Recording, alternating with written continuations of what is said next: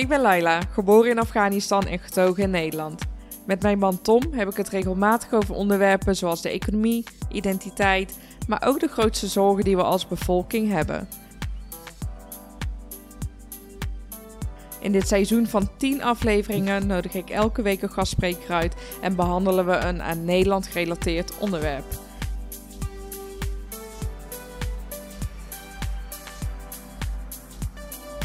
Welkom bij Nederkast, ga mee op reis en laten we Nederland samen ontdekken.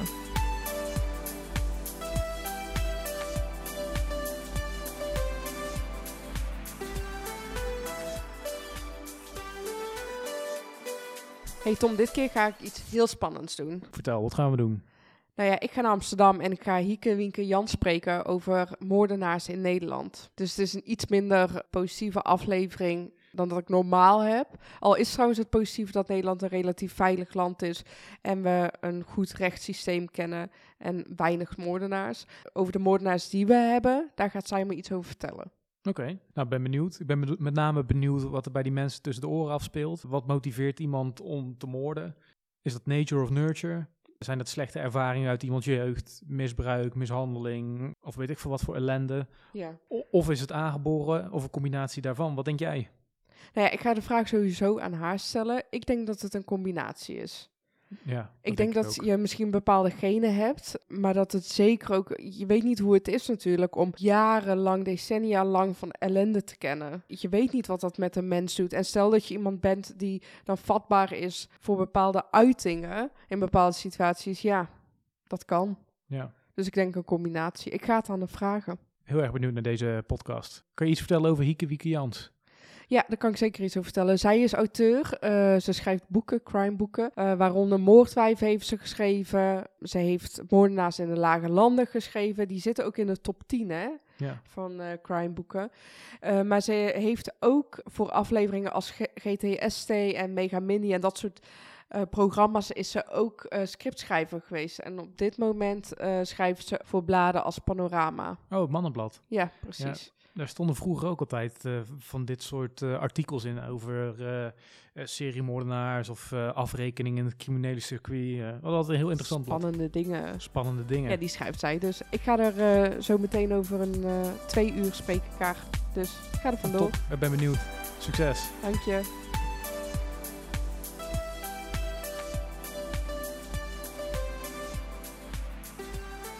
Hieke, wat gezellig hier in je woonkamer. Dank je. Ja, Fijn dat je dit gesprek met me aan wilt gaan. ik vind het ook heel leuk. Mooi. Ja. Eh, het onderwerp waar we het over gaan hebben is een stuk spannender.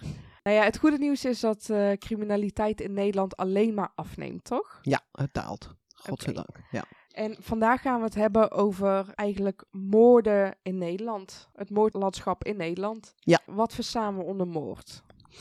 Moord is eh, met voorbedachte raden. Dus dat betekent dat iemand eh, zeg maar iets eh, goed gepland moet hebben. Of überhaupt gepland moet hebben om iemand te doden.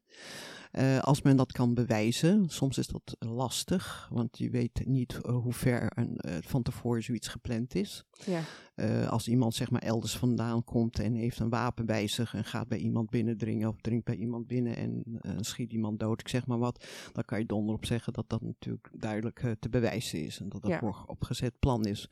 Maar soms gebeurt er ook iets binnen een paar uur waarvan je niet goed weet, heeft iemand kunnen nadenken nog? Van ik heb nu wel een mes gepakt en ik was eigenlijk van plan om hem of haar te vermoorden, maar je hebt nog tijd gehad om, eh, om na te denken van ga ik dit wel doen?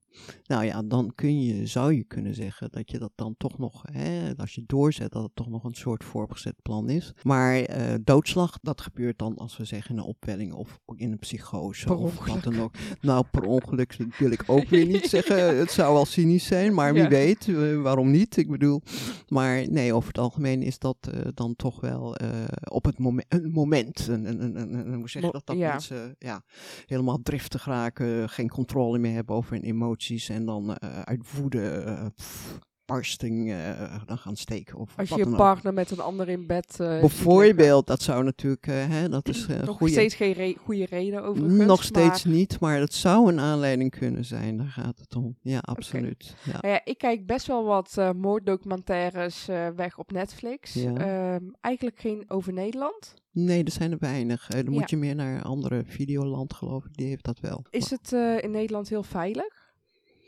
Ik vind Nederland in vergelijking met heel veel andere landen best veilig eigenlijk. En ondanks dat jij je dus verdiept in de misdaad in Nederland, vind je dat vooralsnog? Ja, dat vind ik wel. Ik bedoel, we leven niet in Mexico of in eh, landen waar bijvoorbeeld de, de drugscriminaliteit een veel grotere rol speelt in het dagelijks leven dan hier. Dat zijn landen en Colombia, noem maar op, dat, Ja. dat met grote, met, met kartels, nou ja, kartels bestaat niet meer echt, maar goed, maar met, met, met uh, misdaadclubs, zeg maar, die allemaal versplinterd zijn geraakt ondertussen. Maar goed, dat is natuurlijk, die, die nemen hele wijken in beslag of zo. Ja, dat is hier niet aan de orde. en dat hebben wij hier klein beetje. Dat je bijvoorbeeld in Amsterdam best van die gassies hebt, weet je wel. Die dan misschien een, een straat of weet ik veel, een paar straten een beetje onder controle hebben en lastig doen. Maar dat is toch niet te vergelijken. Nee. Nee. En eh, als we nou eens 100 jaar terug in de tijd gaan, hoe zag eh, criminaliteit er in Nederland uit? Saai. Was het heel veilig? Het was heel veilig. Het, het, het was eh, absoluut heel veilig. Kijk, in tijden van armoede bijvoorbeeld, en, en ik bedoel, dat is altijd natuurlijk, en vroeger, eh, 100 jaar geleden, was natuurlijk veel meer armoede eh, vergelijking met nu. Ja. ja, eh, bijvoorbeeld, ja, dan had je echt ook vrouwen die dan bijvoorbeeld geen partner meer hadden. Die Ja. waren ontvallen, om welke reden dan ook. Die dan gewoon, ja, gingen stelen of wat dan ook. Ja, je moest toch wel aan je eten komen, zeker als je kinderen had en dergelijke. Dus dat soort misdrijven werden zeker Eigenlijk gedaan. uit, eh, Uit nood. uit, Uit nood. nood, eh, ja, eigenlijk wel. Dus in- ergens kun je er ook nog wel een soort voor respect voor hebben. Ja, ik bedoel, je moest wat. Prostitutie natuurlijk is ook wel iets wat natuurlijk eh, al heel lang is. Maar ja, mensen leefden zijn natuurlijk verzachtende omstandigheden verzachtende omstandigheden. Maar over het algemeen, ja, er was natuurlijk een heel andere tijd. Mensen, zeker het gezin was toen zeker eh, de hoeksteen van de samenleving. Dus ja, er werd ook veel minder gescheiden, neem ik aan. Eh, Geloof speelde natuurlijk ook een belangrijke rol Ja. niet dat daar misschien minder spanningen zouden zijn, maar ik denk dat wij wel in een samenleving nu, f- dat- of nou ja, al zal al tientallen jaren of, of al veel langer gaande, eh, dat is veel ingewikkelder en complexer geworden dan vroeger. Het was veel overzichtelijker en mensen hadden ook meer sociale controle over elkaar, hè, die wijken en die En wat is er nog meer dan ingewikkelder geworden? Nou ja, we leven natuurlijk in een wereld wat technologisch heel ver is. Dat zet allerlei nieuwe vragen aan het leven. Bijvoorbeeld ook over leven en dood. Ik bedoel, in feite kun je ook stellen door de nieuwste ontwikkelingen eh, dat eh, lijden wordt in feite eh, uitgesteld. Of verlengd, moet je eigenlijk zeggen. Kan je dat toelichten? nou ja, kijk, vroeger gingen mensen, als ze ziek werden, kanker, hè, mensen gingen dood. Ik bedoel, de, de, de wetenschap, de medische wetenschap was nog niet zo ver om, Ja. om daar van alles aan te kunnen doen en dergelijke. En we leven natuurlijk nu veel meer, er wordt veel meer uitgevonden, laat ik het zo maar zeggen, om eh, het leven te verlengen. Ja. Dat is natuurlijk eh, aan de ene kant wel mooi, Ja. maar daarmee wordt het lijden natuurlijk eh, eigenlijk ook verlengd. Uitgesteld. Ja, of uitgesteld, ja, dat is beter. En wat Ja. voor invloed heeft dat op criminaliteit Nou, daar heeft niet per se. eh, of misdaad? eh, op misdaad zal dat misschien niet zo effect hebben, denk ik. Maar dat geeft wel een beetje weer dat je in een andere type samenleving leeft, waar gewoon ook wel meer spanningen zijn. Ik bedoel, maar ook het hele emancipatieproces, immigratieproces. Er komen, wij zijn met meerdere mensen wonen we samen. Ja. Eh, soms begrijpt men elkaar niet goed. Alles eh, kan een soort, ja, geen spanning, maar alles wordt gecompliceerder. ja. Het simpele leven wat er vroeger was, nou ja, misschien overdrijf ik een beetje. Eigenlijk de simpelheid ervan. De eenvoud, de, de, Ja. de s- eh, de- je had overzicht. Leven is veranderd van met name naar de grote steden, weet je wel. De, nou ja, de industriële revolutie heeft natuurlijk ook heel veel invloed gehad op de manier waarop mensen zeg maar hun, hun werkplaats zoeken of een soort type werk. Nou ja, technologie heeft natuurlijk ook te maken met eh, dat er eigenlijk eh, heel veel overgenomen wordt door computers of Ja. door anders. Maar je zegt die spanningen die nemen toe. Eh, het leven is minder simpel. Wat Ja. voor invloed heeft dat dan op misdaad? Want Mhm. Nederland wordt wel steeds veiliger, toch? laat ik het zo zeggen, elke crisis van buitenaf Ja. ehm, heeft altijd een impact binnenshuis. En zoals nu bijvoorbeeld, eh, hè, nu hebben ook, eh, ja, dat mensen zeg maar ook al vanaf modaal inkomen problemen krijgen om hun rekeningen te betalen. Ja. Bij wijze van. Je had eh, daarvoor bijvoorbeeld in 2008 de financiële crisis, bankcrisis, had je natuurlijk hetzelfde. Elke vorm van crisis, of dat nou corona is, of een, hè, een pandemie in dit geval, of een financiële crisis, werkeloosheid, noem maar Ja. op, heeft altijd impact in eh, zeg maar relaties. Want gezinnen moeten namelijk hun rekeningen kunnen betalen Ja, ja, mensen zijn samen om een soort droom te verwezenlijken. Een goede, goed huwelijk met kinderen en dergelijke. Maar ja, als er geen geld is, dan, dan, dan ontstaat er spanning. Plus, mensen hebben vaak ook heel lang verwachtingen over relaties. En sommige relaties zijn op een gegeven moment komen onder spanning te staan, omdat het, de verwachting, eh, zeg maar, ten opzichte van elkaar wegvalt. je hebt het steeds over eh, gezinnen en ja, over families, thuis en families, maar we Mhm. hebben het over misdaad. Ja. Wat is daar de relatie toe? Nou, de impact is namelijk dat eh, de meeste moord en doodslag, dus de meeste moorden, worden toch gepleegd in huis, in, binnen relaties. En of dat relaties zijn hè, dat, eh, tussen man en vrouw, vrouw en vrouw, Ja. man man, maar ook met kinderen, familieleden en dergelijke. Dus hoe moeilijker de samenleving wordt, hoe meer spanningen, hoe kan meer een eigenlijk het weerslag, kan er zeker een weerslag hebben op, ja. Oké, maar even voor mij. Ja, kan je een beeld schetsen als we het over moord en over doodslag hebben? Hoe ziet dat landschap in Nederland eruit? nu Hoeveel moorden, weet ik veel, worden jaarlijks gepleegd en door wie? Nou ja, de, de laatste cijfers, zeg maar, nou ja, laat ik zeggen, tussen 2007 en 2021 wat onderzoek gedaan is, is zeg maar meer dan 200 vrouwen bijvoorbeeld vermoord. Door mannen. Door, en nou, gewoon gedo gedood, hebben we het nog even over. En eh, het dubbele aantal mannen, eh, of iets meer zelfs. Mannen zijn altijd trouwens de grootste slachtoffers, altijd zo geweest, van moord en doodslag. Ongeveer de helft, of iets meer dan de helft van de vrouwen zijn wel gedood door, vermoedelijk door hun ex-partner of partner. Dus dat is best wel veel. Ja. En, eh, en omgekeerd, de mannen, die, eh, ja, die, eh, dat zitten meer bijvoorbeeld in de vrienden, kennissenkring, eh, ook wel familie. Maar 4, nou ja, nog geen 5 eh, zijn eh, slachtoffer van hun partner en Oké, ex-partner. dus van de 200 vrouwen die zijn gedood, zijn er 100 gedood door hun partner. Ongeveer, ja. En van de 400 mannen die gedood zijn, zijn er nog geen 5% Ja, door de ja, partner klopt. gedood. Wat zegt dat dan over onze samenleving? En Eh, rolverdeling misschien ook wel. Nou ja, dat mannen agressiever zijn. eh, mannen eh, eerder in de criminaliteit vervallen dan vrouwen überhaupt. Oké. Ja. Want op wat voor manieren worden de mannen gedood en de vrouwen? Is daar nog verschil tussen? Eh, ja, natuurlijk mannen zijn, eh, omdat ze gewelddadiger zijn, eh, die zullen eerder zeg maar met steekwapens, pistolen, nou ja, met, met wapens iemand doden. En dat niet alleen hun vrouw of hun kinderen, maar ook daarbuiten. Ehm, vrouwen, ja, die, die hebben natuurlijk fysiek minder kracht dan mannen. Dus die moeten veel Slimmer. slimmer en strategischer nadenken hoe ze dat plannen. Ja. En ehm, dus die zullen niet zo snel als eh, met, een, met een wapen tegenover een man gaan staan met een mes, want dat gaat ze verliezen waarschijnlijk. ja. Ik denk dat vrouwen waar, waar die goed in zijn, en zeker als het in een, eenmaal in hun hoofd halen om eh, zeg maar hun partner te doden, dan doen ze het ook. Ja, ze, ze betrekken anderen erbij, eh, soms fa- familieleden, Oh, hulp. vrienden. Ja, hulp, ja, hulptroepen. En, en, en dan nog, nou dan heb je hulp. En hoe hoe doen ze dat dan? Niet dat ik, niet dat ik om tips vraag. Nou, tips, nou ja, goed. Nee, ja. maar uh, uh, Ja, ik snap wat, ze eh, gebruiken dus minder wapens. Ja, ze Eh, gebruiken ook wel wapens tegenwoordig. Vroeger was het vooral gifmengen. Eh, eh, eh, vergiftiging is heel lang bij vrouwen geliefd geweest en nog. En medicijnen kun je natuurlijk ook aardig mee rommelen als je daar aan kunt komen. Ja. Dus dat is niet zo ingewikkeld. En het is natuurlijk niet vies. Het is niet smerig. Want vrouwen houden niet van een hele smerige, eh, bebloede keuken, denk ik. Ja. Of, of wat dan ook. Ja, dan moet je allemaal opruimen en al gedoe.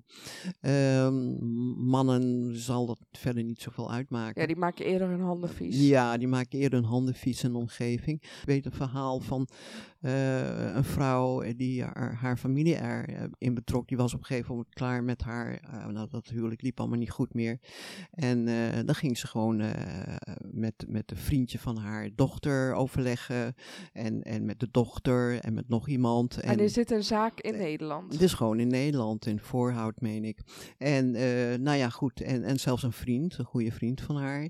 En eh, dan gingen ze naar de toko. Dat was echt zo'n zo'n soort Indische toko. En dan gingen ze dan eh, kijken wat voor soort wapens ze zouden pakken. Nou ja, dat was dan een soort, een soort, soort uh, Japanse, weet ik veel, snijmes of, of, of, hakmes of wat dan ook.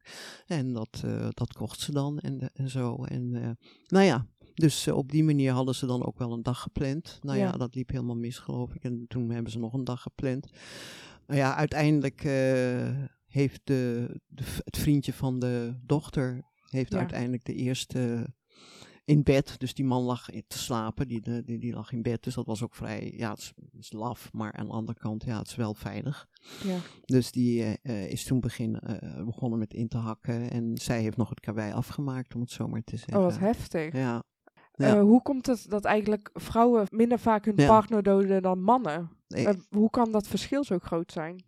Ja, dat is wel een goede vraag. Nou ja, ik denk dat dat ook te maken heeft met dat vrouwen sowieso in- minder agressief, minder in geweld denken of doen dan, dan mannen. Dat is gewoon eh, ook het verschil tussen mannen en vrouwen. Omdat mannen natuurlijk van oudsher natuurlijk ook al, hè, dan gaan we heel ver terug, de jagers waren en zo. Dus die waren al gewend om Ja. te doden, zal ik maar zo zeggen.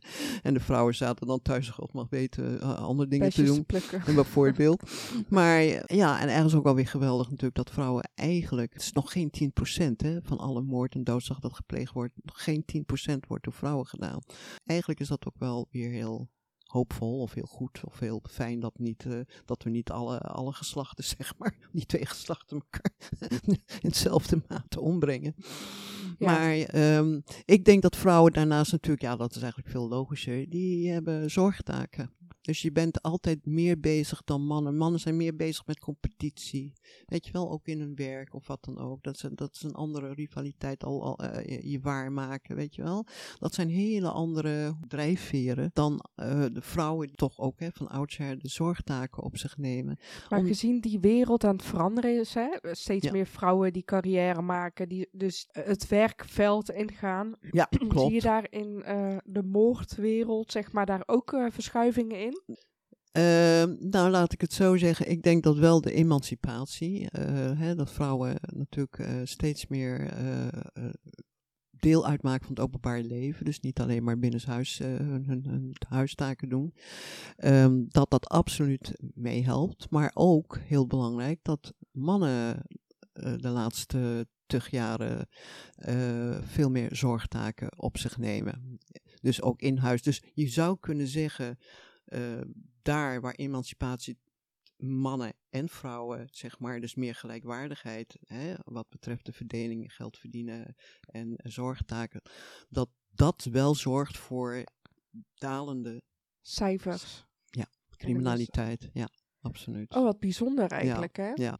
Gezien eh, steeds meer vrouwen dus eh, gaan werken ehm, en dat dat zorgt voor eh, dalende cijfers in de misdaad, denk je dat dat eh, blijft dalen? Of denk je dat vrouwen op een gegeven moment ook steeds meer mannelijk worden en dat die cijfers op een gegeven moment weer gaan stijgen? omslaan.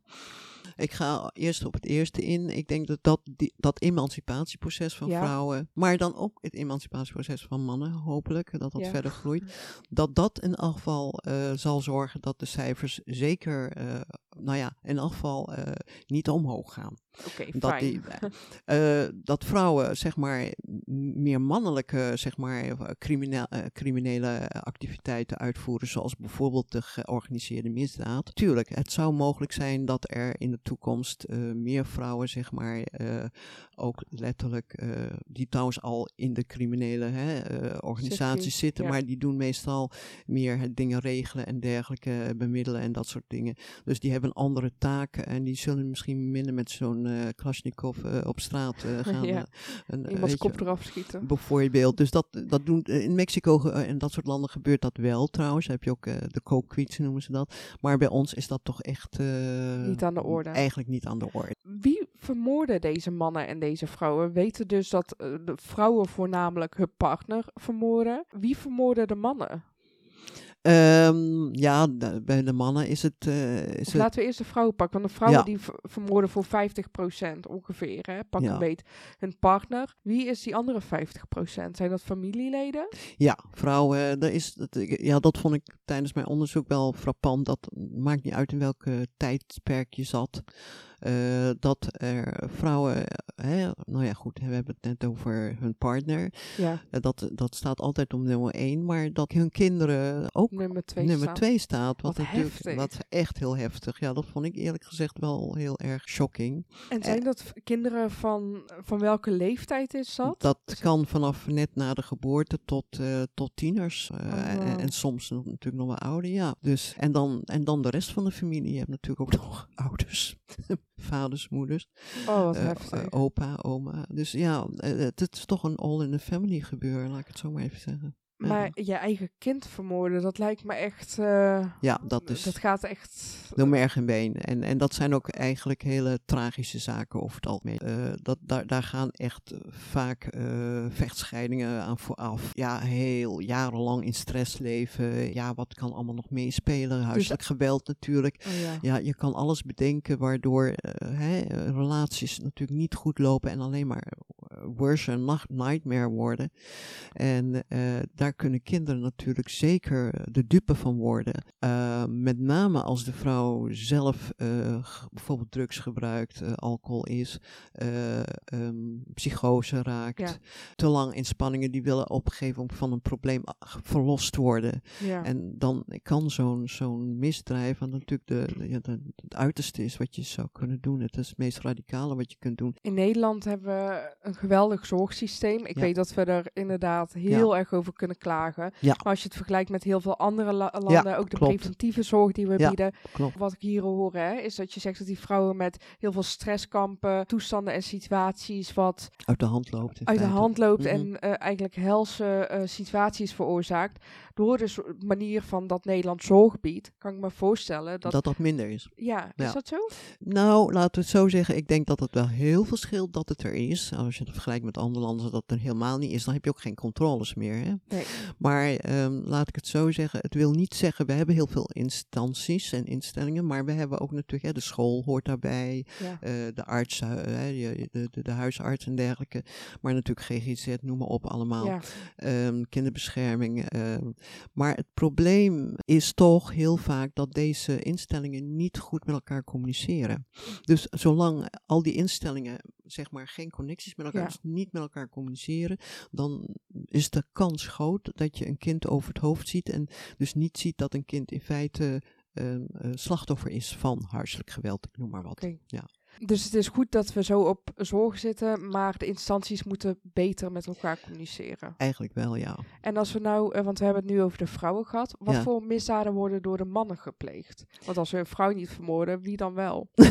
Ja, 30% van de mannen komt om of, of eh, die wordt gedood door eh, in het vriendenverkeer. Dus dat vond ik ook wel shocking eigenlijk. Dat- Oh mijn god. Ja, dus het is, laat ik het zo zeggen, het, het is allemaal veel dichter bij huis dan wij met z'n allen denken. En we, hebben, we zijn daar ook wel een beetje voor weggelopen. Ik bedoel, als wij aan criminaliteit denken, dan, dan heeft het dus een soort ver van je bedshow in feite. Denk je aan roof, eh, eh, Ja. berovingen en roofmoorden natuurlijk. Je denkt aan, eh, nou ja, verwarde mensen. Ja. En vooral mannen vaak. En je denkt aan bijvoorbeeld liquidaties en georganiseerde misdaad of wat dan ook. Maar je denkt zelden, je kijkt zelden naar binnen, je kijkt zelden naar je buren. Begrijp je? Je kijkt zelden naar je vrienden. Terwijl daar eigenlijk de meest heftige dingen gebeuren. Dus je, je zou gewoon eigenlijk moeten zeggen dat het gezin, zeg maar, als, als hoeksteen van de samenleving. Ja, dat is natuurlijk niet voor niets een gezegde. Dat betekent eigenlijk veilige haven. Hè? Ja, toch? Ja. Het is ook de hoeksteen van de samenleving. Vind jij dat ook? Maar eigenlijk zou je moeten zeggen dat gezin is een slijpsteen van de samenleving. Daar worden namelijk de messen geslepen als het eh, erop aankomt. Wat heftig. Ja.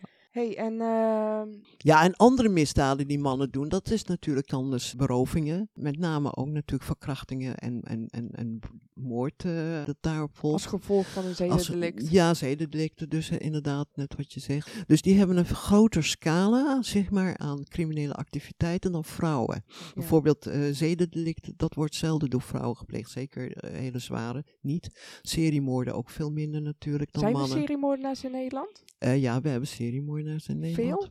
Ehm, ja, uit mijn hoofd weet ik het allemaal niet, maar eh, alles bij elkaar genomen vanaf, weet ik veel, de vorige eeuw, ja, dat, dat, dat zullen er wel een stuk of 30 zijn of meer. Ja, Is dat veel? Als je het vergelijkt met andere landen. Maar goed, wij zijn ook een klein land, nietwaar? Ja. Eerlijk gezegd uh, vind ik de zaken die wij kennen en bijvoorbeeld de zaken, seriemoordzaken in België, vind ik die veel zwaarder en ernstiger. Ja. Uh, die True en uh, vier, ja, precies. En, uh, en die kunnen ook veel langer doorgaan dan hier gemiddeld in Nederland. Wat je eigenlijk altijd hoort, hè, is dat, dat Nederland moordenaars niet zo zwaar berecht als dat men vindt dat ze berecht horen te worden. Dat je voor belastingontduiking ja. zwaardere straffen krijgt. Hoe zit dat nou? Ja, dat denk ik ook wel eens heel cynisch. Van een mensenleven is, min, is, is minder waard dan zeg maar inderdaad een belasting of vermogensdelict. Ja, eerlijk waar, als het om geld gaat.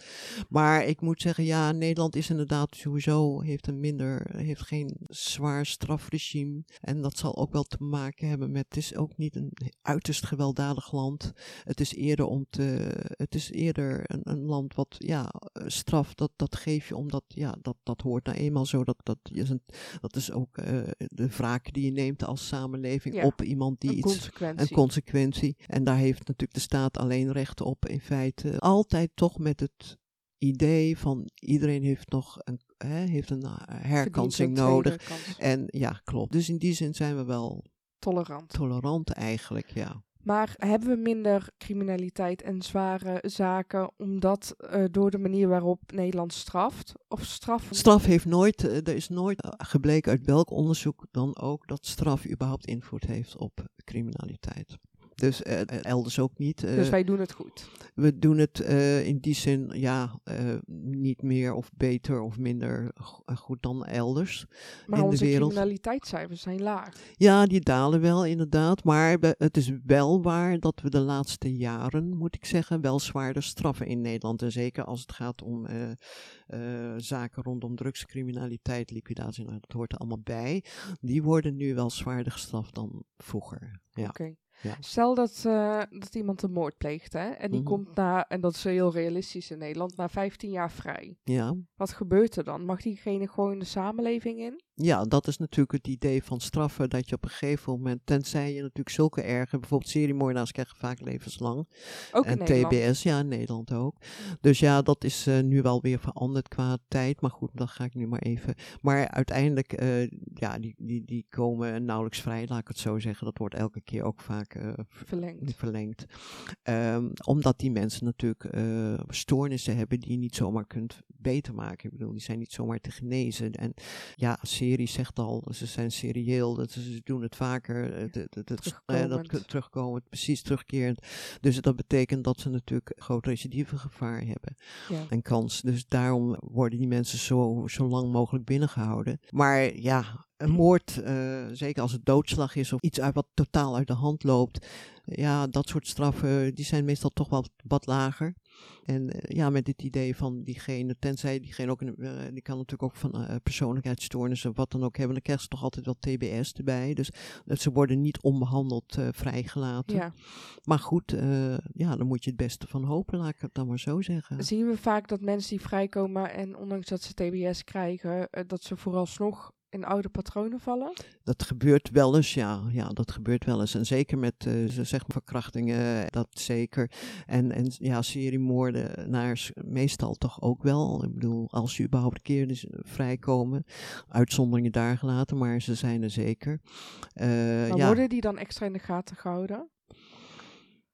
Mm, ja, dat is moeilijk te zeggen. Ze zullen misschien wel een beetje in het vizier zijn, dat weet ik niet. Maar ja, men gaat er dan vanuit, nou ja, als je al zoveel jaar hebt gezeten en je bijvoorbeeld, ja. uh, bijvoorbeeld uh, uh, opnieuw trouwt, hè, weer, dat schijnt altijd toch een soort geruststelling te zijn als iemand weer een soort gezinsleven oppakt. Maar ja, dat wil niet zeggen dat dan na tuchttijd niet opnieuw de, de oude drang, zeg maar, fantasie komt. weer naar boven komt. Maar gelukkig kennen we niet veel moordenaars in Nederland en valt de misdaadwereld dus ook ontzettend mee. Zeker als je dat vergelijkt ook wel met, met, met andere landen, denk ik dat we het eigenlijk helemaal niet zo slecht doen.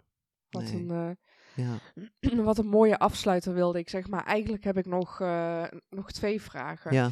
Hieke, jij hebt je op de misdaad gefocust. Uh, je schrijft erover, je leest erover. Je hebt ook tegenover moordenaars gezeten en die gesproken. Denk je dat er mensen zijn die 100% slecht zijn?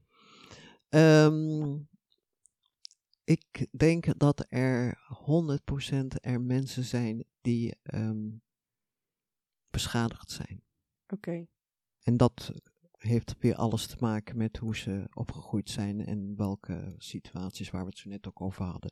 Dus dat het eerder nurture is dan nature? Het is, het is meer nurture inderdaad, maar er is wel nature, zeker bij seriemoordenaars en serieplegers überhaupt, dat daar iets in de hersenen, eh, eh, hersenbeschadiging is. Ja, Oké, wauw. dus, ja.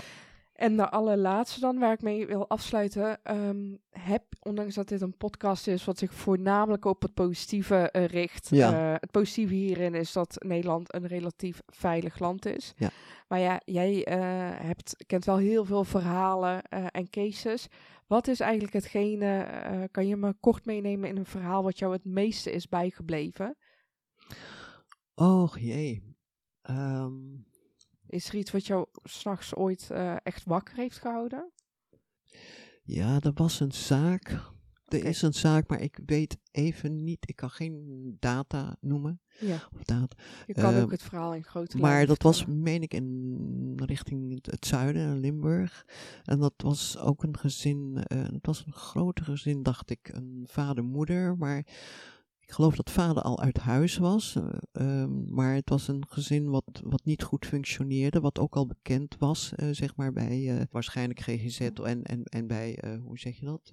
Instanties. instanties. En dat is toen helemaal uit de hand gelopen doordat de man op een gegeven moment onder invloed van drank en dergelijke ehm, zijn, nou ja, be- eh, zijn vrouw belde of bedreigde. En op, op een gegeven moment eh, probeerde hij weer in het huis te komen. Wat hij in elk geval gedaan heeft, is hij heeft het huis in fik gestoken. En ik weet nog wel dat die kinderen ehm probeerden natuurlijk hun leven te redden. En, Ja. en, en, en die waren echt ernstig verbrand. En ze gingen, ze gingen ook dood. Dat, dat vond ik heel heftig. Ja. ja. Dat ik denk, hoe kan je zo zonder nadenken zoiets doen en dan niet nadenken over de gevolgen ervan. Maar ja, zo gaat dat dus. Hè. Als je natuurlijk een, eh, in, in, in een opwelling uit woede of wat en dan ook nog eh, onder invloed. ehm, maar dat was, een, eh, dat was een, echt een, een gezinsmoord. Zo. En En, dat- en hoeveel kinderen hadden ze ongeveer? Ja, drie, vier misschien. En eh, Ja. ik weet niet hoeveel het gered hebben. Oh, dat die man dan ook niet denkt, eh, mijn kinderen die, die kinderen die hebben dus ook gevochten voor hun leven, probeert te ontsnappen en dan levend verbranden. Ja, dat zal, ja, die was de brandweer. Ik weet wel dat de brandweer was helemaal in shock. Ja. Oh, holy De shit. manier waarop de kinderen, ja, klopt. Ja, ja brand is ook zo, vuur is zo eh, vernietigend, hè. Ja. Vind ik een van de naarste vormen. Eh, kan je als misdaadjournalist nog eh, de goedheid van de mens zien? Omdat je continu verdiept in, in eigenlijk het slechte. Ja hoor, ja hoor. Ja. Ja, nee, dan moet geen, dan moet duidelijk, je moet geen invloed hebben. Nee, dat, ik bedoel, nee, ik, ik zeg niet dat het heel ver van je bed af show meer is natuurlijk daardoor. Ja. En trouwens, en ik doe het ook anders. Ik ben niet natuurlijk een McWhaley of eh, John van der Heuvel. Maar ik ben wel goed in onderzoek doen en dergelijke. Dus ik pak ook meestal de contexten. Ja. En daardoor schrijf ik ook altijd meerdere zaken tegelijkertijd. En, en een context daarbij. Waardoor je op een bepaalde manier kijkt naar eh, een misdaad. En, Ja. en niet, schrijf geen stukje dan. Schrijf, snap je, van, van oh ja, nu is, nu is iemand daar eh, doodgeschoten. En Het zijn grotere artikelen die je dan het zijn vaak grotere artikelen, omdat dat natuurlijk wat meer, ja. ja. Oké, nou, Ik, nou, ik kan je best wel een eh, goed gevoel meegeven, hoop ik. Ehm, het goede gevoel is dat ehm, de meeste van ons mensen, godzijdank, hele leuke, lieve familieleden hebben. En we wel eens ruzie hebben, maar dat dat nooit zo, hè, zo uit de hand hoeft te lopen. En je vriendenkring ook. Nou, dus als je dat hebt, let daarop. En dat heb je vast allemaal wel, of de meeste van ons. Dan mag je ontzettend dankbaar zijn. ja. Dat betekent ook dat je gewoon ook goede keuzes maakt. En dat je kennelijk niet in een situatie terecht bent gekomen dat je foute keuzes maakt tussen aanhalingstekens. Ja. Snap je wat ik zeg? Ja, dus als land zijn we relatief veilig. Dus Ja. de kans erop is, is al klein. De kans op misdaad bedoel ik dan. En, en hoe Nederland is ingesteld met alle instanties. Die kunnen misschien nog beter samenwerken. Maar dat ze er zijn, dat helpt ook al heel wat. Tuurlijk, ja, En ja, overal heb je natuurlijk ernstige gevallen. Zo ook in Nederland. tuurlijk. Dat is overal. En eh, Heel erg bedankt voor je tijd. Het is eh, wie de mens is, hè. Ja, dankjewel Hieke. Dankjewel, ja. Laila. Beste luisteraar, bedankt dat jij je kostbare tijd hebt besteed aan het luisteren van deze aflevering. Wil je niks missen? Volg dan Nedercast op Spotify, Apple Podcasts of Podimo. En ook ben ik ontzettend benieuwd wat jullie van Nedercast vinden. Dus laat alsjeblieft een review achter. Tot volgende week dinsdag.